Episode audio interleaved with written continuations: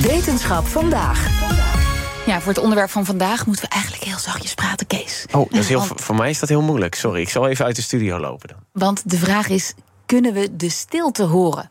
Op die vraag denken onderzoekers het antwoord te hebben. En dat bespreken we met wetenschapsredacteur Carlijn Meinders. Hey Carlijn. Hi. Ja, dit klinkt nou iets eh, als iets wat heel moeilijk te onderzoeken is. Ja, zeker. Want hoe onderzoek je iets wat er voor je gevoel niet is?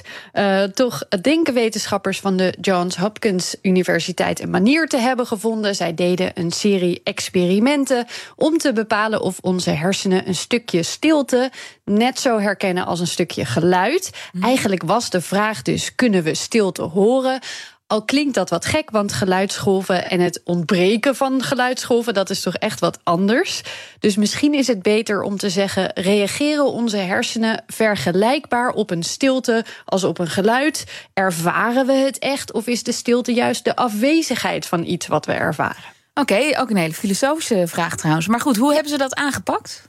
Ze lieten duizend deelnemers meedoen aan zeven experimenten met daarin verschillende audio-illusies. En die gaan wij ook even doen. Eh ga er even voor zitten, zou ik zeggen. We beginnen bij eentje waarbij je twee keer een toon te horen krijgt. Je hoort een computerstem one zeggen bij de eerste toon en two bij de tweede. Jullie moeten straks bepalen of één van de twee voorbeelden langer was. Goed om te weten, toon 1 heeft een onderbreking in het midden en toon 2 gaat aan één stuk door. Dat maakt niet uit. Jullie inschatting van hoe lang ze zijn begint zodra het voorbeeld begint en eindigt zodra de toon helemaal stopt, met of zonder onderbreking. Klaar? Ja. Komt-ie. One. Two. Wow. Nou, was één van de twee langer? Ja, ik denk twee. Nee, Nummer ik- twee. Ja, ik denk dat dat de onderbreking... eh, dat, die, eh, dat die ons een beetje op het verkeerde pad zet. Dus ik zeg even lang. Nou, heel zeg maar. goed, Kees, heel goed. Ja. Wat onze hersenen graag doen met geluid is afbakenen. We maken er graag eh, events van, blokjes die we kunnen interpreteren. En dat zou de reden zijn dat onze hersenen hier een beetje in de war raken. Deze waren even lang. Even En lang. Yes. Geldt, ja, gaan we nu door naar experiment nummer twee. In dit geval wanen we ons in een druk restaurant en hoor je twee keer een stilte. Heel vergelijkbaar met de vorige, maar nu tuim je dus het blokje stilte. Iemand geeft er aan wanneer one en wanneer two begint. Een van de twee stiltes gaat aan één stuk door en eentje wordt onderbroken. En jullie moeten bepalen welk blokje langer is. Natuurlijk hebben jullie nu eh, voorkennis uit het eerste experiment. Niet helemaal meer clean.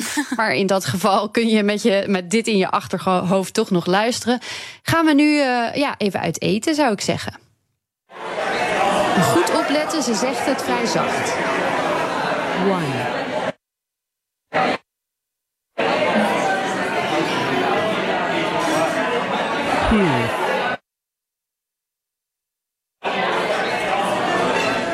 Ja, wat denken jullie? Ja, ik zou weer zeggen twee duurde veel langer, de stilte. Ja, voor mijn gevoel had ik nu ook dat twee langer duurden. Ja, was weer even lang. Oké, nou, zo so much voor de wetenschappelijke inzichten hier. Maar goed. Maar dan, dan is dat misschien de uitkomst bij alles. Alles is even lang. Nou, nu in dit, eh, wat we nu hebben gedaan wel. Maar in het echte experiment kregen ze elke illusie zo'n 20 keer te horen. En elke keer was de lengte van de tonen of de lengte van de stiltes net anders. Dus je moest echt, ik heb er vanmiddag even eentje helemaal gedaan, goed blijven opletten om te bepalen: zijn ze nou even lang of niet. We kunnen er nog snel eentje doen. Je hoort twee geluiden door elkaar: een orgel en een drillboor. Sorry. Eh, twee keer hoor je een pauze waarin het orgel wegvalt, maar de drillboor doorgaat. Dat is een gedeeltelijke stilte. In een derde pauze valt niet het orgel, maar de drillboor weg. Drie keer een pauze. Vraag is weer: duren al die pauzes even lang?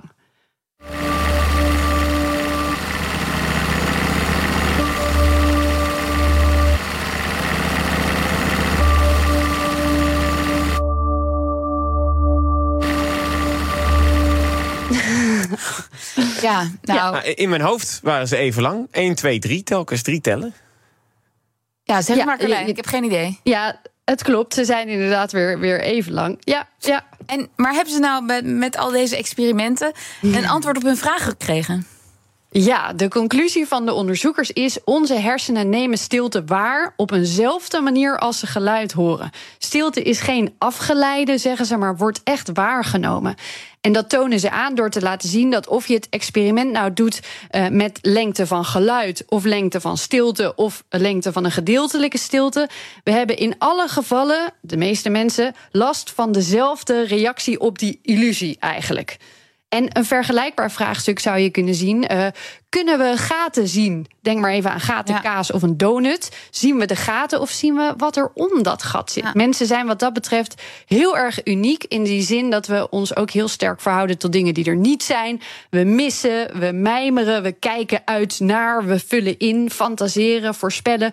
Dus onderzoek doen naar iets als gaten en stiltes is op verschillende manieren heel interessant voor zowel filosofen als psychologen als neurowetenschappers. Hersengolven zijn hier nog niet eens in meegenomen.